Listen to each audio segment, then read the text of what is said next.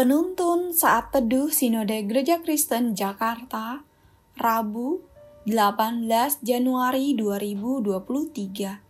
Judul renungan, ukurannya bukan keberhasilan. Nats Alkitab terambil di dalam kitab Matius pasal 25 ayat 22 sampai 26. Lalu datanglah hamba yang menerima dua talenta itu. Katanya, Tuan, dua talenta Tuhan percayakan kepadaku. Lihat, aku telah beroleh laba dua talenta. Maka kata tuannya itu kepadanya, Baik sekali perbuatanmu itu, hai hambaku yang baik dan setia engkau telah setia memikul tanggung jawab dalam perkara yang kecil. Aku akan memberikan kepadamu tanggung jawab dalam perkara yang besar.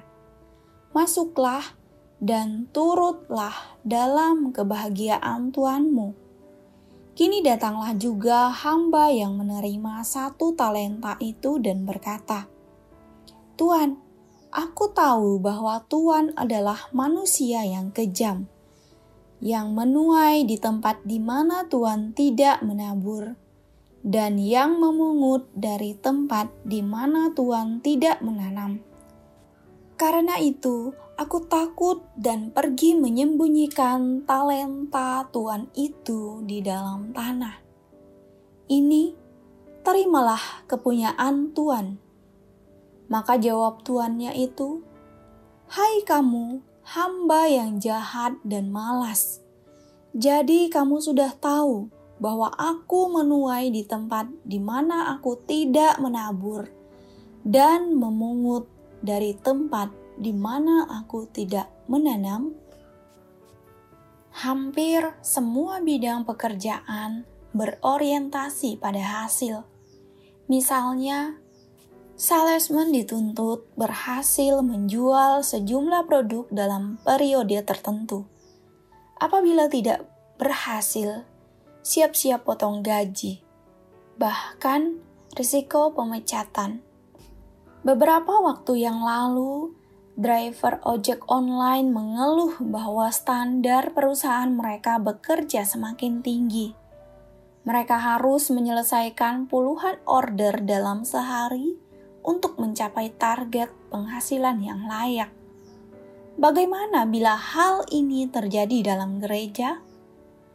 Beberapa gereja sering kali mengukur keberhasilan dengan sebuah angka. Angka kehadiran jemaat, angka persembahan setiap minggu, angka jemaat yang baru. Benarkah cara seperti ini yang diinginkan oleh Tuhan? Tuhan Yesus mempunyai ukuran lain dalam menilai suatu pekerjaan. Ia bercerita tentang tiga orang pegawai yang diberi modal oleh majikannya untuk dikelola dan dikembangkan. Masing-masing menurut kesanggupannya. Pegawai pertama mendapat lima talenta. Ia mengembangkan modal itu sehingga memperoleh laba sebanyak lima talenta. Pegawai kedua mendapat modal dua talenta yang berhasil meraih laba dua talenta. Pegawai ketiga mendapat satu talenta, namun modal itu tidak dikembangkan sehingga tidak menghasilkan apa-apa. Beberapa waktu kemudian, majikan itu meminta pertanggungjawaban. Majikan memuji pegawai pertama dan kedua. Katanya, "Baik sekali perbuatanmu itu, hai hambaku yang baik dan setia." Engkau telah setia dalam perkara kecil, aku akan memberikan kepadamu tanggung jawab dalam perkara besar. Tetapi hamba yang ketiga dimarahi. Hai kamu, hamba yang jahat dan malas. Jika dibaca sepintas, maka cerita ini memberi kesan bahwa yang diukur adalah hasilnya. Tetapi sesungguhnya yang dinilai oleh majikan itu adalah sikap terhadap sebuah tugas. Pegawai pertama dan kedua dipuji bukan karena hasil yang diperolehnya, melainkan komitmen mereka untuk menjalankan tugas. Majikan tidak memuji dengan sebutan "hambaku yang berhasil", melainkan "hambaku yang baik dan setia. Engkau telah setia dalam perkara kecil. Pegawai yang ketiga bukan disebut hamba yang gagal, tetapi hamba yang jahat dan malas. Bagi Tuhan, ukuran keberhasilan sebuah pekerjaan maupun pelayanan bukanlah jumlahnya, melainkan prosesnya dalam sebuah proses yang terpenting bukanlah hasil akhir, melainkan proses untuk mencapai hasil itu. Apa gunanya mendapatkan hasil yang cemerlang tanpa proses yang benar?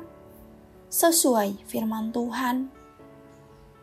Sebab itu, libatkanlah Tuhan dalam sebuah proses kita perlu bekerja bagi Allah dengan tekun dan setia pada firman-Nya. Kadang kita bisa gagal, kadang bisa berhasil, semua bisa diizinkan Tuhan terjadi. Saat kita gagal, Tuhan tetap tersenyum puas saat kita bekerja dengan tekun dan setia. Begitu juga saat kita berhasil, janganlah menjadi sombong hanya karena anugerahnya, kita bisa mendapatkan keberhasilan dan kesuksesan. Bagi Tuhan, ukuran keberhasilan sebuah pekerjaan dan pelayanan bukan jumlahnya, melainkan prosesnya. Amin. Terima kasih, Tuhan Yesus memberkati.